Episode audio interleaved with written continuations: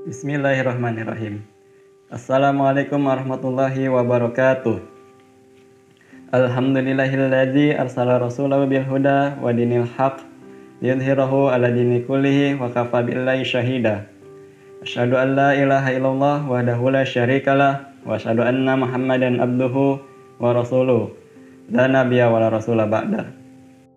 Puji syukur kita panjatkan kepada Allah Subhanahu wa taala yang telah memberikan kita banyak sekali nikmat, baik itu nikmat iman, nikmat Islam, nikmat sehat walafiat, dan pada saat ini kita diberikan nikmat dapat bertemu kembali dengan bulan suci Ramadan tahun 1441 Hijriah. Walaupun Ramadan tahun ini berada di tengah-tengah pandemi wabah corona, semoga tidak mengendurkan semangat kita dalam beribadah dan melakukan amal kebaikan untuk mengharap ridhonya Allah Subhanahu wa taala dan ampunan darinya. Marhaban ya Ramadan. Salawat serta salam senantiasa kita sanjung agungkan kepada Nabi Muhammad Sallallahu Alaihi Wasallam yang telah mengubah zaman jahiliyah kepada zaman yang penuh dengan hikmah, penuh dengan kebaikan, dengan nilai-nilai adab yang dapat diterapkan di segala segi kehidupan, yaitu nilai-nilai Islam dalam bentuk agama Islam. Baik, di Ramadan tahun ini saya mencoba mengisinya dengan sedikit berkisah mengenai kisah sahabat Nabi Muhammad Shallallahu Alaihi Wasallam, terutama 10 sahabat yang dijamin masuk surga melalui lisan Nabi Muhammad Shallallahu Alaihi Wasallam. Tetapi sebelum kita masuk kepada pembahasan 10 sahabat itu, terlebih dahulu kita mengetahui siapa sih uh, sahabat Nabi Muhammad Shallallahu Alaihi Wasallam. Karena tidak semua umat Muslim yang hidup di zaman Nabi Muhammad Shallallahu Alaihi Wasallam itu dapat disebut dengan sahabat. Sahabat di sini adalah orang yang pernah orang yang pernah bertemu dengan Nabi Muhammad Shallallahu Alaihi Wasallam dalam keadaan beriman dan mati dalam keadaan beragama Islam. Dan yang tidak dapat disebut dengan sahabat itu adalah orang yang pada saat Nabi Muhammad SAW itu masih hidup, dia belum dalam keadaan beriman dan baru beriman atau masuk Islam pada setelah Nabi Muhammad SAW itu wafat. Dalam Al-Bidayah wa Nihayah karya Ibnu Kasir disebutkan bahwa terhitung lebih dari 100 ribu laki-laki dan perempuan yang pernah melihat beliau eh, dan ini termasuk kepada dalam sahabat Nabi Muhammad Sallallahu Alaihi Wasallam. Sahabat Rasulullah Sallallahu Alaihi Wasallam itu merupakan orang-orang pilihan. Ibnu Mas'ud mengatakan Allah Subhanahu Wa Taala melihat ke dalam hati hamba-hambanya. Kemudian ditemukan hati Nabi Muhammad Sallallahu Alaihi Wasallam itu sebagai yang terbaik di antara para hamba-hambanya. Maka eh, jadikanlah Nabi Muhammad Sallallahu Alaihi Wasallam itu sebagai pengemban risalahnya. Kemudian Allah Subhanahu wa taala melihat lagi ke dalam hati para hamba-hambanya yang, yang lain. Kemudian uh, hati para sahabatlah yang merupakan terbaik di antara para hati hamba-hamba yang hamba-hambanya yang lain. Maka uh, dijadikanlah para sahabat ini sebagai pendamping bagi Nabi Muhammad SAW dalam membela agama Islam dan mengemban risalah yang diberikan oleh Allah Subhanahu wa taala kepada Nabi Muhammad SAW. Banyak sekali keutamaan yang dimiliki oleh sahabat Nabi Muhammad SAW. Dapat kita telusuri nanti melalui 10 kisah sahabat yang dijamin masuk surga. 10 sahabat yang dijamin masuk surga bukan berarti sahabat-sahabat yang lain itu tidak dijamin masuk surga. Tetapi 10 sahabat ini mendapatkan jaminan langsung dari Nabi Muhammad SAW. Dalam sebuah hadis sahih disebutkan 10 sahabat itu adalah Abu Bakar As-Siddiq, Umar bin Khattab, Utsman bin Affan, Ali bin Abi Thalib, Talha bin Ubaidillah, Jubair bin Awam, Abdurrahman bin Auf, Sa'ad bin Abi Waqqas, Said bin Zaid, dan Abu Ubaidah bin Jarrah. Semua ini merupakan sahabat-sahabat uh, yang mendapatkan jaminan langsung melalui lisan Nabi Muhammad SAW. Pada kesempatan yang pertama ini, saya mencoba untuk mengisahkan satu sahabat yang dijamin masuk surga, yaitu Abu Ubaidah bin Jarrah. Abu Ubaidah bin Jarrah ini merupakan salah satu sahabat yang masuk Islam dalam fase awal-awal Islam muncul. Bahkan Abu Abu Ubaidah bin Jarrah itu masuk Islam sebelum Nabi Muhammad SAW e, berdakwah di rumah Arkom bin Abil Arkom. Abu Ubaidah ini mendapatkan julukan yang sangat e, luar biasa, yaitu kepercayaan umat. Dalam hadis sahih riwayat Bukhari Muslim dan Ahmad yang berbunyi innalikulli ummatin amina wa aminu hadhil ummati Abu Ubaidah bin Jarrah yang artinya sesungguhnya setiap umat itu memiliki orang yang terpercaya dan orang terpercaya umat ini adalah Abu Ubaidah bin Jarrah. Suatu ketika penduduk Najran datang menemui Rasulullah dan meminta seorang laki-laki yang terpercaya. Lalu Rasulullah SAW menanggapinya, Aku akan mengutus kepada kalian seorang laki-laki yang terpercaya. Maka Rasulullah SAW mengutus Abu Ubaidah bin Jarrah kepada penduduk Najran ini dan dijadikan sebagai pemimpin. Pada saat perang pertama kaum muslimin dengan kaum Quraisy, tepatnya perang Badar, Abu Ubaidah bin Jarrah rela membunuh ayahnya yang pada saat itu masih dalam keadaan kafir. Kemudian pada perang Uhud, di mana kaum muslimin dalam keadaan tertekan akibat uh, tidak amanahnya pasukan pemanah yang ditugaskan di Gunung Uhud mengakibatkan Nabi Muhammad SAW mengalami luka yang cukup parah sampai-sampai uh, pecahan baju uh, baju besi yang digunakan oleh Nabi Muhammad ini menusuk kepada pipinya dan ini uh, langsung ditanggapi oleh oleh Ubaidah bin Jarrah. Ubaidah bin Jarrah pun uh, mencabut besi-besi uh, yang ada di pipi Rasulullah SAW dengan giginya sehingga uh, dua giginya itu copot. Abu Ubaidah bin Jarrah disipati sebagai orang yang baik akhlaknya, lembut perangainya, juhud sikapnya, dan tawadu hatinya. Abu Bakar sendiri pernah merekomendasikan Abu, Abu Ubaidah dan Umar bin Khattab untuk menjadi khalifah. Pada saat itu Rasulullah SAW wafat. Kemudian di Sakifah Bani Sa'idah atau tempat perkumpulan kaum Ansor eh, terjadi perundingan siapa yang akan eh, menjadi khalifah setelah Rasulullah SAW wafat.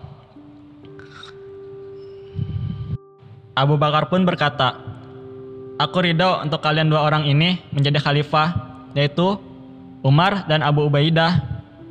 Namun Abu Ubaidah tidak mau, dia menolak uh, karena yang pantas menjadi khalifah itu haruslah orang yang menjadi haruslah orang yang dapat uh, menjadi imam salat Uh, sedangkan pada saat Rasulullah SAW itu masih hidup, yang menjadi atau menggantikan Rasulullah SAW menjadi imam salat adalah Abu Bakar As-Siddiq. Maka dua poin penting inilah yang menjadi dasar untuk memilih pemimpin. Yang pertama itu adalah sholatnya yang baik dan siap untuk menjadi imam. Dan menjadi imam pun bukanlah sembarangan orang, tidak yang terjadi seperti sekarang ini. Dan yang kedua adalah amanah karena uh, dua poin ini uh, yang pertama itu sholat sholat itu adalah hubungannya dengan Allah dan amanah adalah hubungannya dengan manusia gitu setelah Abu Bakar As-Siddiq terpilih sebagai khalifah setelah Rasulullah SAW wafat Khalifah Abu Bakar As-Siddiq memilih Abu Ubaidah bin Jarrah sebagai tim penasehat atau ahli suro dan juga pengawas keuangan negara. Pengawas keuangan negara ini bukanlah orang yang main-main yang dipilih, tetapi orang yang benar-benar amanah. E, seperti Abu Beda bin Jarrah yang telah menerima gelar dari Rasulullah SAW sebagai Amin Hadil Ummah atau kepercayaannya umat. Selain amanah, Abu Beda bin Jarrah merupakan seorang panglima muslim yang hebat. Maka pada saat khalifahan Abu Bakar As-Siddiq, ketika hendak ingin ke Syam untuk membebaskan Palestina, dikirimlah Abu Ubaidah bersama dengan beberapa pasuk beberapa panglima muslim yang lain seperti Yazid bin Abu Sufyan, juga Khalid bin Walid. Pada pengiriman pasukan ini, Khalid bin Walid diangkat sebagai pimpinan pasukan tertinggi. Tetapi eh, karena banyaknya pimpinan pasukan atau panglima pasukan ini, Abu Ubaidah yang memiliki hati yang lembut menjadi perekat bagi seluruh pasukan muslim yang pergi menuju Syam karena eh, khawatir terjadi konflik internal yang mengakibatkan kekalahan sebelum perang. Kemudian setelah Abu Bakar As-Siddiq wafat, kekhalifahan eh, dialihkan atau dipegang oleh Umar bin Khattab. Ketika itu eh, pimpinan tertinggi pasukan ini dialihkan juga kepada Abu Ubaidah bin Jarrah. Abu Ubaidah bin Jarrah yang saat itu eh, menerima surat dari Umar bin Khattab tidak serta-merta langsung memberitahukan kepada Khalid bin Walid karena pada saat itu pertempuran sedang berlangsung. Khawatir terjadi konsentrasi yang pecah, maka Abu Ubaidah bin Jarrah memutuskan untuk memberitahukan pada Khalid bin Walid setelah peperangan usai. Setelah surat dari Umar bin Khattab yang diberikan kepada Abu Ubaidah dan diserahkan juga kepada Khalid bin Walid, terjadi percakapan hangat di antara mereka. Abu Ubaidah memberitahukan kepada Khalid bin Walid bahwa bukan jabatan yang diinginkan, tetapi kemenangan akan pasukan muslim dan agama Islam ini yang menjadi keinginan dia. Juga ridha Allah yang selalu dia inginkan. Kemudian Khalid bin Walid juga membalasnya dengan saya berperang bukan karena Umar bin Khattab, tetapi saya berperang karena ridhonya Allah Subhanahu wa taala. Maka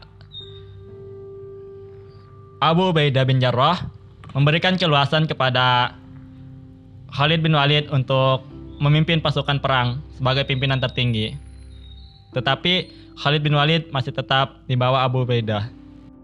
Pasukan yang dipimpin oleh Abu Ubaidah bin Jarrah dan Khalid bin Walid akhirnya dapat membebaskan negeri Syam. Kemudian Abu Ubaidah bin Jarrah mengundang kepada Khalifah Umar bin Khattab untuk menerima kuncinya. Dan ini merupakan uh, pembebasan damai pertama untuk negeri Syam atau Palestina ini. Setelah pembebasan negeri Syam, Khalifah Umar bin Khattab mengangkat Abu Ubaidah bin Jarrah sebagai pimpinan tertinggi di negeri Syam. Dan suatu ketika Khalifah Umar bin Khattab ingin melihat kondisi di negeri Syam sana, juga kondisi sahabatnya Abu Ubaidah bin Jarrah. Beliau pun uh, pergi ke rumah Abu Ubaidah bin Jarrah untuk melihat kondisinya. Dan Masya Allah, kondisi rumah Abu Ubaidah bin Jarrah sangatlah sederhana. Hanya ada tameng dan pedang di sana. Tidak seperti pemimpin zaman sekarang ini, di mana rumah-rumahnya begitu mewah dan berisikan perkakas-perkakas yang mewah. Rumah Abu Ubaidah bin Jarrah sangatlah sederhana, seperti yang kita dengar tadi. Kemudian Az-Zahabi uh, menuturkan bahwa ini adalah suatu bentuk uh, kejuhudan yang murni dan berbeda dengan kejuhudan orang-orang fakir dan miskin. Khalifah Umar bin Khattab pun menangis ketika melihat ini dan berkata kepada Abu Ubaidah bin Jarrah, bahwa kita semua telah diubah oleh dunia, kecuali engkau hai Abu Ubaidah bin Jarrah. Satu lagi peristiwa yang dapat menjadi teladan bagi kita semua, yaitu ketika Khalifah Umar bin Khattab mengutus seseorang untuk memberikan harta berupa uang 4000 atau 400 dinar kepada Abu Ubaidah bin Jarrah. Lalu apa yang dilakukan oleh Abu Ubaidah bin Jarrah? Abu Ubaidah bin Jarrah mensedekahkan segala uang itu atau harta itu kepada seluruh masyarakatnya. Khalifah Umar bin Khattab pun tercengang uh, dan berkata, inilah sebaik-baiknya pemimpin. Lalu dalam suatu hari uh, terjadi percakapan antara Umar bin Khattab dengan sahabat-sahabatnya. Berangan-anganlah kalian, kata Umar bin Khattab. Kemudian sahabat menjawab, Aku berangan-angan seandainya rumah ini dipenuhi oleh uang dirham maka aku akan sedekahkan semuanya di dalam Allah. Umar bin Khattab kembali berseru, Berangan-anganlah kalian. Lalu seorang sahabat menjawab lagi, Aku berangan-angan seandainya rumah ini dipenuhi dengan emas, maka aku sedekahkan semuanya di jalan Allah. Lalu Umar bin Khattab berseru lagi, Berangan-anganlah kalian. Lalu sahabat menjawab, Aku berangan-angan, jikalau rumah ini dipenuhi permata, maka aku sedekahkan semuanya di jalan Allah. Umar bin Khattab kembali berseru, Berangan-anganlah kalian. Maka mereka berkata, Kami tidak memiliki angan-angan lagi.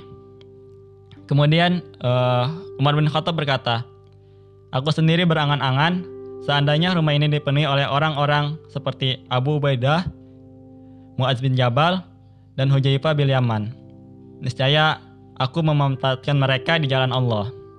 Luar biasa sekali eh, sifat-sifat yang dimiliki oleh Abu Ubaidah, Abu Ubaidah bin Jarrah untuk kita teladani dan kita terapkan di keseharian kita. Sebenarnya Khalifah Umar bin Khattab telah menyiapkan Abu Ubaidah bin Jarrah sebagai penggantinya. Tetapi pada saat itu di daerah Awas di Yordania terjadi uh, taun atau wabah penyakit. Sehingga Abu Ubaidah bin Jarrah wafat pada tahun 18 Hijriah, yakni pada masa kekhalifahan Umar bin Khattab radhiyallahu an. Jenazahnya dikuburkan di Baisan setelah disalatkan oleh Muaz bin Jabal dan usianya usia Abu Ubaidah bin Jarrah pada saat itu adalah 58 tahun. Itulah sedikit kisah dari sahabat yang amat luar biasa kejujurannya, lemah lembutnya, juga amanahnya. Sehingga dia mendapat gelar Amin Hajil Ummah atau kepercayaannya umat. Masih banyak sekali kisah tentang beliau dan hanya itu uh, yang dapat saya sampaikan. Wallahu a'lam bishawab. Apabila ada kesalahan saya mohon maaf. Wabillahi taufiq wal hidayah. Wassalamualaikum warahmatullahi wabarakatuh.